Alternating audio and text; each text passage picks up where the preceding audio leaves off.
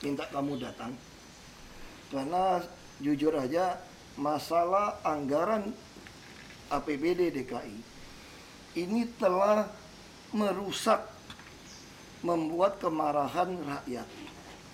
Dan saya masih ingat saya punya banyak anak magang. Kamu yang paling lama magang sama saya. Dari tahun 2010 ya masalahnya. Kita udah 10 tahun lebih. Di antara semua anak magang yang saya katakan baik, rata-rata tidak mau masuk ke politik. Makanya saya berusaha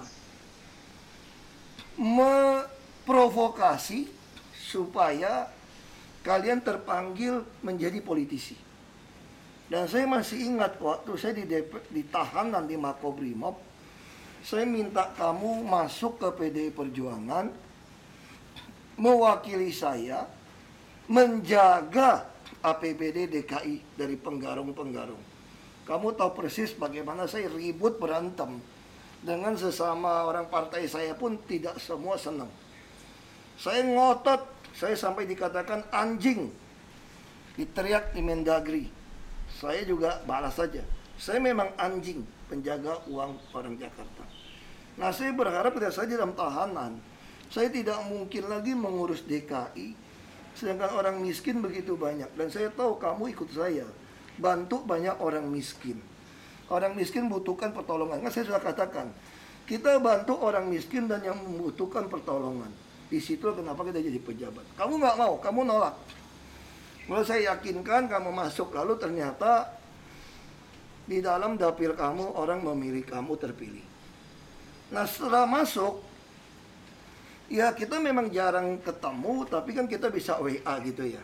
Selama ini saya melihat semua ya ada keperluan apa, ada yang sakit, ada yang butuh pertolongan, kita minta bantu kamu. Ada beberapa kita bantu dengan yang kami punya uang pribadi lah. Ketika kita temukan orang bantu, kita juga minta kamu urus rumah sakit, sosial, kamu memang ambil di komisi itu. Nah sekarang yang jadi persoalan, walaupun dulu pun kita ribut. Saya sampaikan, kalau PADDKI turun, kalau ada COVID, kita punya penghasilan turun, PNS, ASN tunjangan dipotong 50% ya. Kalau DPRD menaikkan penghasilan, saya pun tidak suka. Itu nggak benar. Lalu Pak Pras mengatakan, saya akan cek, karena dia ketua juga tidak bisa mungkin kontrol semua. Nah saya akan cek sampai di mana, dia bilang. Apakah ke Mendagri atau gimana, saya tidak tahu. Saya tidak pernah ikutin kalian secara detail. Lalu Pak Pras mengatakan, eh, saya akan cek, dia bilang. Lalu Kemudian satu hari kemudian dia kirimin saya ada pernyataan surat pernyataan Pak Pras bahwa DPRD tidak pernah ada kenaikan gaji dan tunjangan. Nah, saya tidak tahu, kamu lebih tahu. Hmm. Maka yang saya mau tahu selama kamu jadi DPRD penghasilannya berapa sih sebetulnya? Karena kamu nggak pernah taruh di website. Jadi harapan saya kamu harus taruh di website semua penghasilan kamu seperti saya. Supaya masyarakat bisa lihat. Karena kalau kamu nggak mau taruh seperti itu, berdebat di dunia sosmed yang begitu pro kontra, tidak akan siapa yang menang kalah. Kita bicara data. Saya tahu ada beberapa orang yang memanfaatkan sosmed mendapatkan pemilih. Saya juga tahu ada beberapa orang mungkin yang tidak pernah jadi pejabat berkoar-koar seolah-olah dia hebat. Makanya Abraham Lincoln, presiden ke-16 bilang begini. Kalau mau tahu karakter sejati dari seseorang, kasih dia kekuasaan. Sebelum berkuasa, jadi yang mau ngaku siapa pun, sebelum pernah jadi pejabat, nggak usah ngomong gede dulu lah depan saya, saya bilang. Kamu udah jadi pejabat, saya baru tahu kelakuan kamu. Korup atau enggak gitu loh. Ngomong gampang, manis ngomong gampang ngomong manis itu sangat mudah tau nggak? Apa itu sosmed, bolak balik bolak balik atur. Faktanya yang saya mau dengar. Nah saya pengen kamu kasih tahu saya sekarang berapa sih penghasilan kamu selama setahun jadi DPRD ini? Untuk gaji tunjangan Pak, ini mungkin bisa dilihat juga uh, apa namanya satu bulan ini 73 juta. untuk eh, take home pay semua dari tunjangan jabatan, tunjangan beras. Jadi tidak ada kenaikan gaji dan tunjangan seperti yang di media sosial itu kan ada tunjangan apa tunjangan Saya apa baca sampai tunjangan rumah 110 juta di media sosial. enggak Saya pun ngamuk baca itu. ya Terus tunjangan mobil 35 juta. Dia Ya saya ngamuk mana ada. Saya jadi komut Pertamina aja sebulan tunjangan mobil. Artinya itu nggak pakai mobil yang sewanya 35 juta gitu loh. Eh. Jadi di sini Pak eh, apa namanya dari 2017. Jadi ketika saya masuk sudah take home pay-nya semua segini dari gaji dan tunjangan Ini 2017 sebelum kamu masuk dong. sebelum saya masuk. Berarti pas saya masuk penjara itu. Oh iya. Ini anggaran mulai di, diberlakukan kan kita cuti waktu itu ya. Iya. Nah itu berapa tunjangan perumahan waktu itu? Tunjangan perumahannya 60 dan tunjangan Mobil. transportnya 21.500. Makanya jujur aja, kalau saya jadi gubernur, nggak akan pernah saya setuju tunjangan rumah tahun 2017 60 juta. Mobil 21 juta setengah saya tidak pernah setuju. Itu yang saya selalu berantem sama teman-teman kamu di dewan. Kenapa? Karena dulu belum keluar PP 18 tahun 2017 kalau nggak salah yang mengatur radius 5 km dari kantor DPRD. Kalau itu pun berlaku, berarti kamu sewa rumah di Menteng. Sewa rumah di Menteng juga bukan di jalan-jalan Imam Bonjol Teku Umar yang gede-gede gitu loh. Ini ada asas kepatutan, ukuran rumah ke dinas DPRD yang nggak disediakan tuh berapa gitu. Kalau ukurannya 200 meter atau 400 meter, saya sewa rumah di Menteng pasaran cuma 350 juta, 400 juta. Rumah tua satu tahun. Nah kalau kamu kasih tunjangan dulu kalau saya cuma 30 juta kalau salah satu bulan. Kalau 30 juta itu ada asas kewajaran. Tapi oke lah. Iya. Ini dia 60 juta karena memang sejak kamu juga belum belum ada niat di politik. Iya. Terus sewa mobil 21 setengah juta. Kalian mobilnya Corolla artis waktu itu. Saya sempat usul untuk apa Pemda belikan mobil Toyota Corolla kalau biaya semua ditanggung. Coba dicek di rental mobil ini sebulan berapa sih? Belasan juta saja rental mobil itu waktu itu.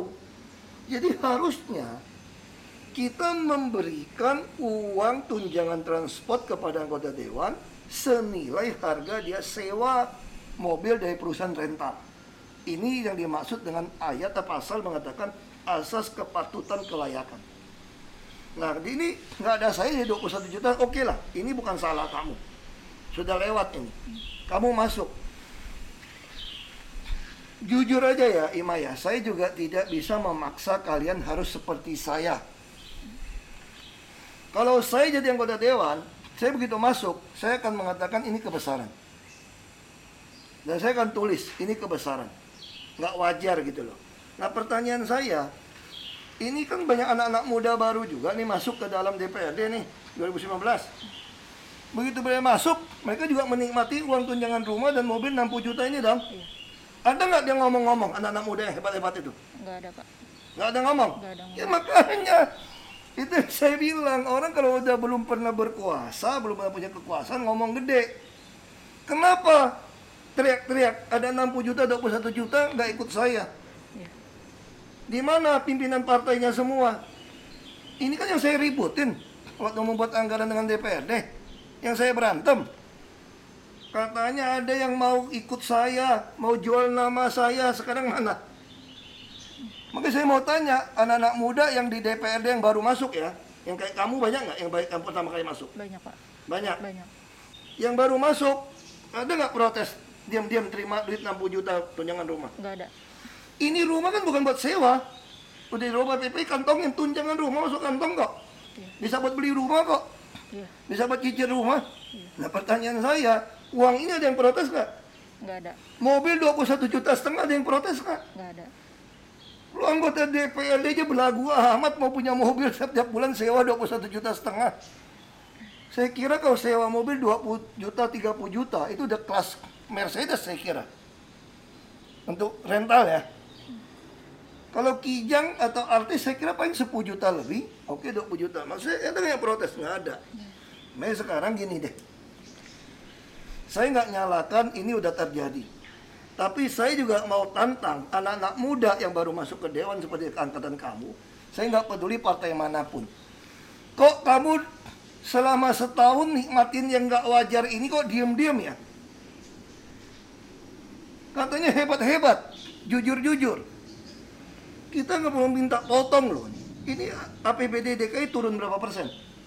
PAD-nya. PAD-nya berapa persen turun? Pokoknya dari 85 sekarang jadi uh, 60-an. Nah, 65. maksud saya kalau turun, kalau mau jagoan ya teriak turun dong. Nah, makanya saya bilang saya tidak maksa kalian hendak turun. Nah. Tapi jelas tidak boleh nambah. Iya.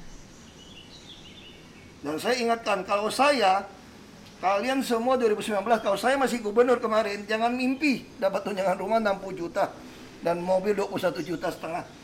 Lu mau berantem satu partai juga gua lawan. Nah ini, ini masih jelas. Makanya saya juga melihat orang juga tanya sama saya. Seolah-olah saya masuk ke PDI Perjuangan. Sudah diam. Oh enggak.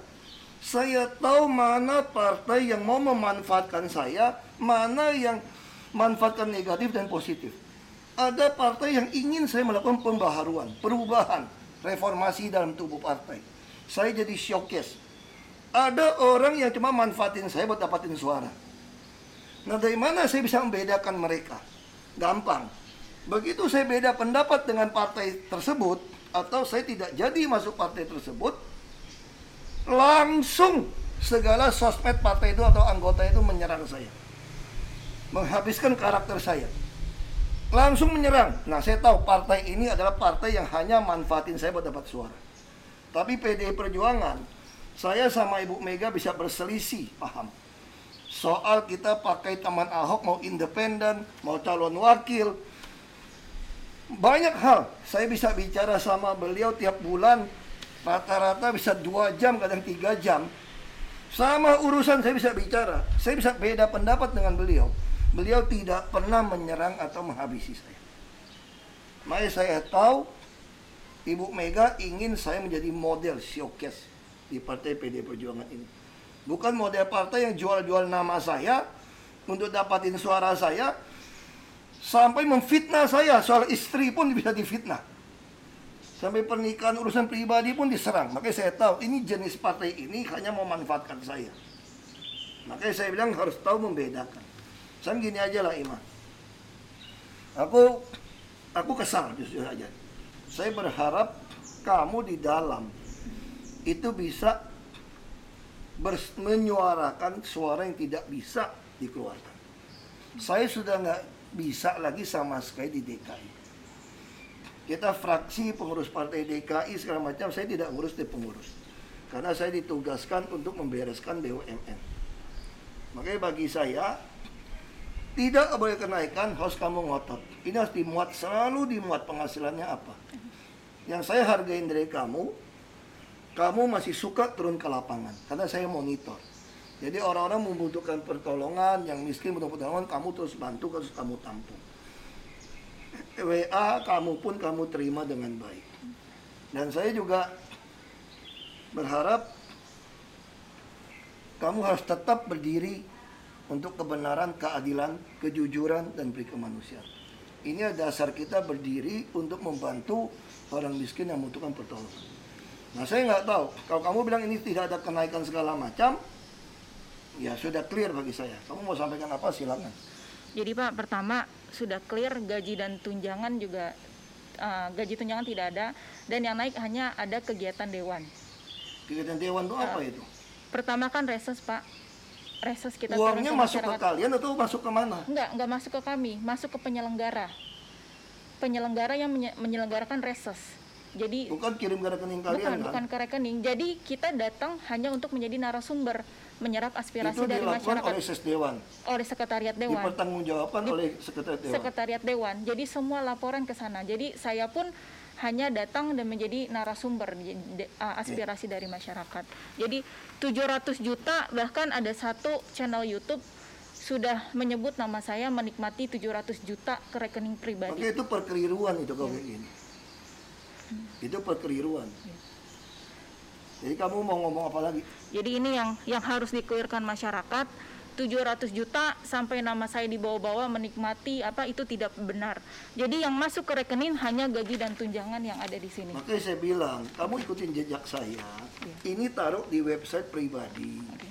atau di Instagram atau apa. Oke. Nah, kenapa? Karena kalau ada perkeliruan dilakukan oleh siapa pun, orang akan melihat ke data ini gitu loh. Ada bukti transfer gitu loh. Iya. Nah, ini yang tidak dilakukan, makanya orang gampang mempelintir. Ya, jadi saya kira ini sekali lagi saya tahu kamu betul-betul saya yang memprovokasi masuk ke politik. Kamu tidak mau masuk ke politik. Makanya saya memanggil kamu. Saya tidak peduli kamu senang nggak senang. Masa ketika saya menyampaikan kebenaran kepada kamu, kamu benci sama saya. Saya menyampaikan kebenaran kok. Saya gini aja lah, saya pen, penasihat ya. Dunia politik ini ada baik dan jahatnya. Saya nggak mau katakan ini kayak dua sisi mata uang. Tapi yang pasti, dunia politik itu ada baik dan jahat. Baiknya, kita ada kuasa menolong banyak orang. Seperti kamu sekarang di DPRD. Orang sakit COVID, butuh rumah sakit, kamu kontak rumah RSUD, dia dengerin karena kamu anggota dewan yang terhormat. Kalau kita di luar teriak-teriak nggak dengerin. Itu kenapa saya mau jadi pejabat. Terus saya jadi gubernur. Tengah malam minta ambulan jemput orang sakit jantung gara-gara ada WA masuk dikerjain. Satu sampah saja saya lihat bikin mampet kalau hujan. Gorong-gorong tali air. Saya begitu WA langsung dikerjain hitungan jam. Itu itu sisi baik. Kita bisa nolong orang miskin dan membutuhkan. Tiap pagi orang punya masalah apa saya bisa selesaikan. Tapi sisi buruknya juga ada nih. Buruknya apa? Kita ditawarin banyak kenyamanan, kenikmatan hidup yang membuat kita tidak mampu lagi berdiri untuk kebenaran dan keadilan. Nah, ya sekarang pertanyaan begini. Saya ingin ada dalam pikiran kamu. Itu yang saya selalu taruh dalam saya ketika saya jadi pejabat. Sampai sekarang juga di BUMN. Apa dalam pikiran saya? Saya rumuskan kira-kira ada tujuh pikiran yang harus ada dalam otak kamu pikiran kamu. Ketika melihat tapi sesuatu, membuat kebijakan, menyetujui sesuatu, menghadapi kan teman-teman kan ada sisi baik dan buruk ini. Apa yang harus kamu lakukan? Pertama, dalam pikiran kamu, ketika ada satu masalah datang, apa anggaran, ada duit, atau kegiatan apa pun, kamu mulai tanya sama kamu. Ini benar nggak ya? Ini sesuai aturan nggak ya? Ini sesuai nggak aturan? Benar apa enggak? Ini sah apa enggak? Kalau iya, lolos. Yang kedua, kalau tindakan ini saya ambil, saya terhormat nggak ya? Karena saya ini anggota dewan yang terhormat. Menjadi pejabat publik itu adalah menginginkan jabatan terhormat sebetulnya. Ketika Anda bisa ngurusin banyak orang. Jadi menginginkan sebuah jabatan publik itu tidak salah, tidak dosa. Karena kamu menginginkan sebuah jabatan melayani orang banyak. Kamu tuh terhormat gitu loh, selama kamu menggunakan sisi baiknya. Makanya bagi saya menginginkan sebuah jabatan itu tidak dosa. Yang dosa kalau ingin jabatan bukan untuk nolong orang banyak. Nah, yang kedua mau cek terhormat nggak saya lakukan ini kira-kira. Yang ketiga, adil nggak dinurani rakyat. Perasaan adil rakyat terusik nggak ketika saya melakukan ini? Saya bisa mewujudkan keadilan sosial nggak dengan ini? Di situasi COVID, situasi gitu susah. Kita harus ada empati. Kira-kira adil nggak yang saya lakukan? Ini cek yang ketiga. Yang keempat, kalau ini dilakukan perbuatan kita, ini melanggar etika nggak? Melanggar kesusilaan nggak? Ini ini penting. Ini nomor empat ini penting. Kira-kira langgar etika nggak? Secara aturan legal semua oke. Tapi secara etika, kesusilaan kita, oke nggak? Kalau itu nggak oke, tinggalin. Nah yang kelima, ini istilah anak muda saya pinjem. Kalau kita punya sikap baik sama orang, orang benar nggak? Ada anak yang baik, aduh cute banget, manis banget. Kira-kira gitu loh.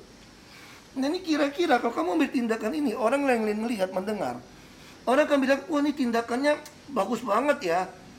Cute banget ya. Baik banget ini orang gitu loh. Misal kamu ketemu orang mau ladenin orang, kamu jadi pejabat. Orang ngundang nikahan, kamu datang. Orang salaman, kamu salam dulu. Orang kan bilang tuh nggak? Waduh, gue nggak nyangka loh, Ima udah jadi pejabat DPRD masih gitu baik loh. Manis banget anaknya, baik banget. Itu itu faktor yang kelima. Yang keenam, kalau kamu lakukan ini semua, orang kira-kira akan bicarakan sedap nggak didengar orang, kira-kira gitu. Kalau sampai ini dibicarakan di luar, ini kira-kira baunya sedap nggak? Sedap nggak diomongin orang? Orang ngomongin kita yang jelek atau ngomong yang sedap kalau ketahuan ini. Nah ini kasus kemarin kalau naik gaji semua nih, ini udah nggak sedap. Ini sebetulnya dari 2017 kalau masih ada saya, orang pasti bilang nggak sedap nih. Sewa rumah 60 juta, mobil 21 juta setengah. Makanya saya bilang, anak-anak muda yang baru masuk, nggak usah sok-sokan depan saya, saya ingetin kalian. Kok terima duit ini diam-diam semua kemarin? Yang ngaku-ngaku hebat, lebih hebat ya partai yang lama atau apa pun gitu loh. Ya saya mau tanya gitu loh, ada nggak anak-anak muda itu ngomong?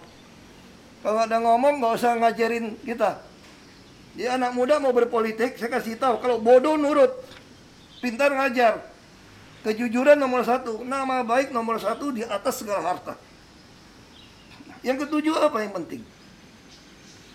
Kebijakan yang kita buat, putusan yang kamu ambil, ini disebut orang tindakan kebajikan apa bukan? Dan layak dipuji nggak kira-kira?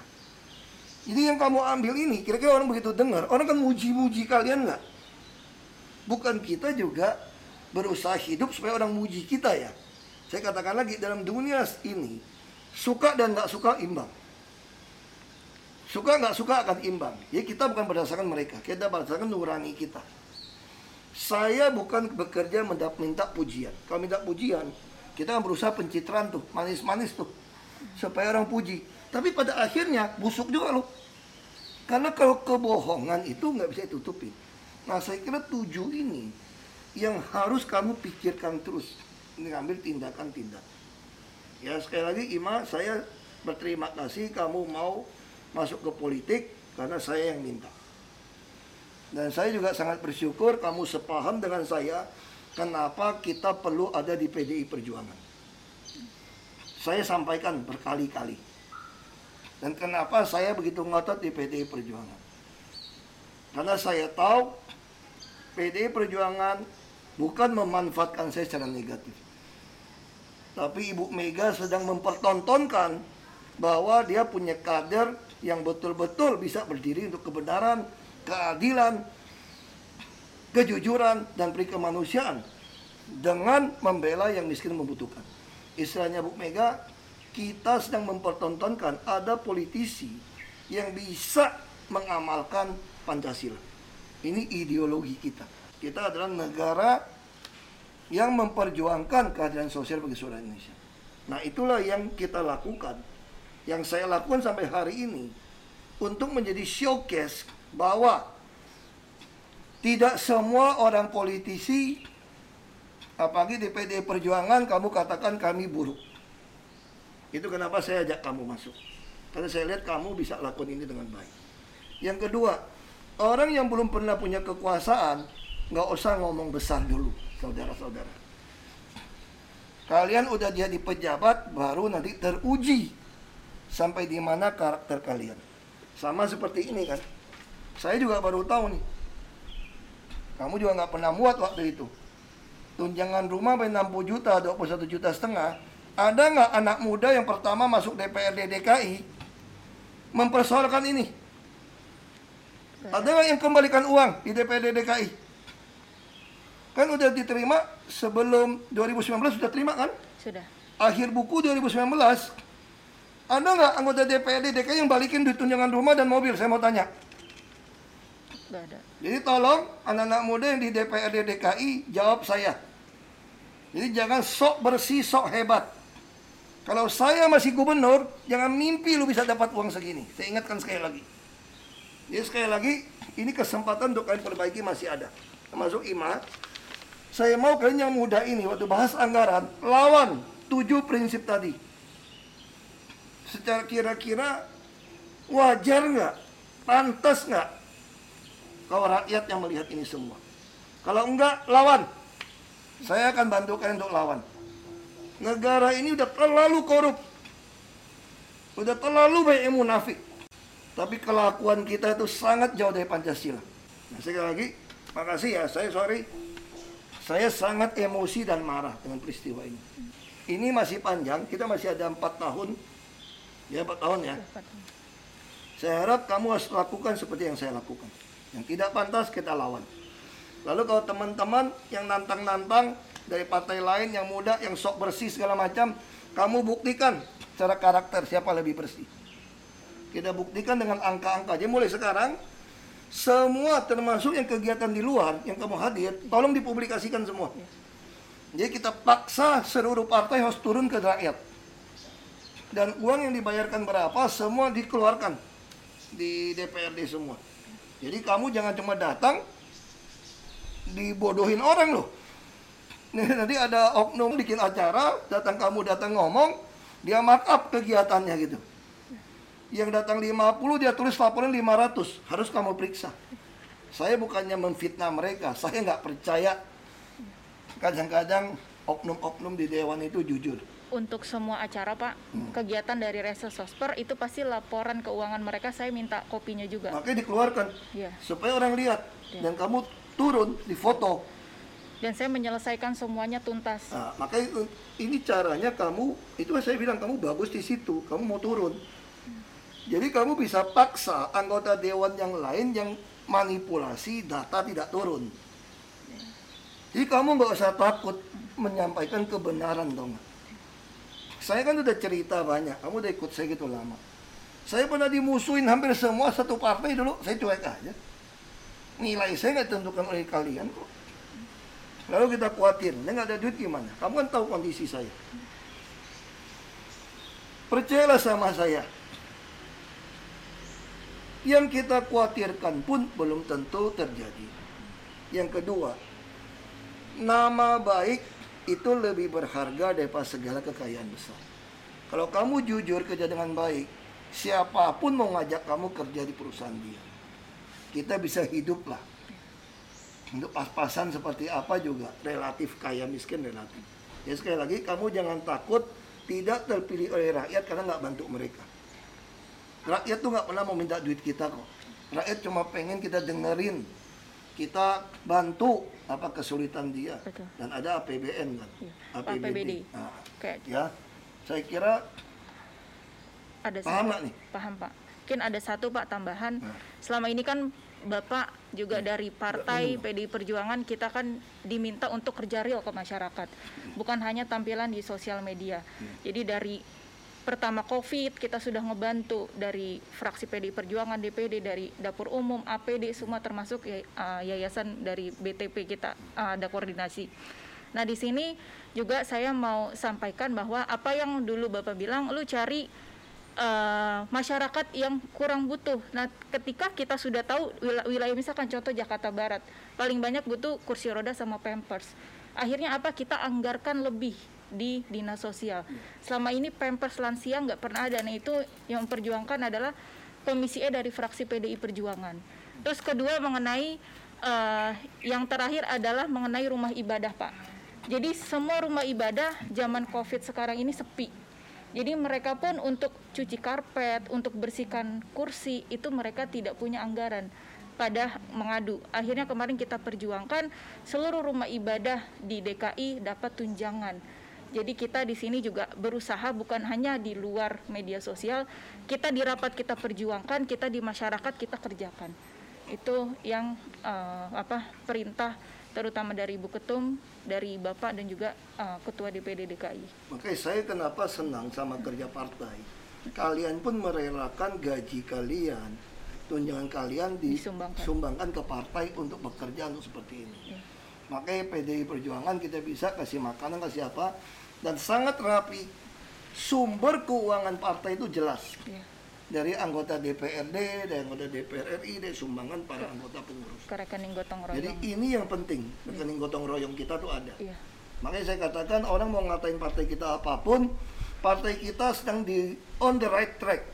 Kita punya arsip yang baik, administrasi yang baik di DPP dan semua data, semua pengurus sampai ke anak ranting kita mulai perhatikan. Jadi sekali lagi saya cuma minta Ima kamu lakukan itu, kebaikan itu semua. Kamu sampaikan dengan data-data. Terutama nanti waktu turun ke lapangan, uang semua habis berapa, data turun semua. Kita harus membuat jadi showcase standar. Itu yang saya lakukan dalam berpolitik. Anggota DPRD ada berapa orang? 100 ya? 106. 106. Tinggal 104. Oke, 104. Kalau saya jadi anggota DPRD, saya mau memaksa 103 orang selain saya, mau partai saya, partai orang lain, ikutin standar saya.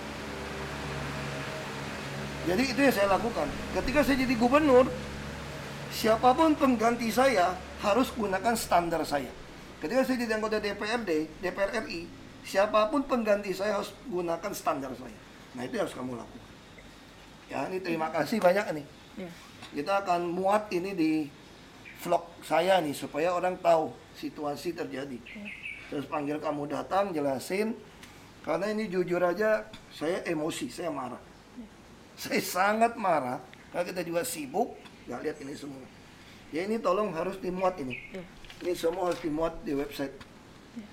Jadi jangan pernah takut orang kalau ada ngaku konstituen, ngaku rakyat minta-minta uang nggak ada alasan. Tolak. Tapi kalau yang membutuhkan, ini tanya sama teman kamu kan satu magang untuk si Nurul. Yang membutuhkan pun mahal pun. Kadang-kadang rekening saya juga bukan lebih duit banyak. Saya transfer. Tanya sama si Nurul. Saya coba berpikir, toh bulan depan masuk lagi dari gaji. Masalahnya apa? Dia lebih butuh daripada saya. Makanya saya mau kasih. Tapi kalau yang bohong-bohongin, cuma iseng-iseng, Pak, saya mau bikin dapur lah, apalah. Ini urusannya apa? Lu mau bikin dapur masih bagus, nggak selesai gitu loh. Nggak kamu kasih. Apa orang mana nggak mau pilih saya, ya nggak usah pilih. Jadi kamu nggak usah takut orang nggak pilih kamu lagi. Kamu bekerja aja, terpilih nggak terpilih itu ekses rakyat melihat kita. Sama kayak saya. Ketika orang Jakarta 52% nggak mau pilih saya, saya biasa saja. Ya sudah. Berarti kamu menganggap saya tidak baik. Ya sudah. Saya bisa kerja lebih baik daripada jadi gubernur gaji cuma sekian. Nah ini sesuatu yang kita lakukan. Lalu ketika jadi di komut, gaji terima 201 juta. Takut kita. Nggak berani ngomong. Selesai saya. Saya tetap suara keras. Nyampaikan kebenaran. Soal saya dipecat. Ya sudah. Tuh selama ini saya udah sering ngalamin yang itu juga kok.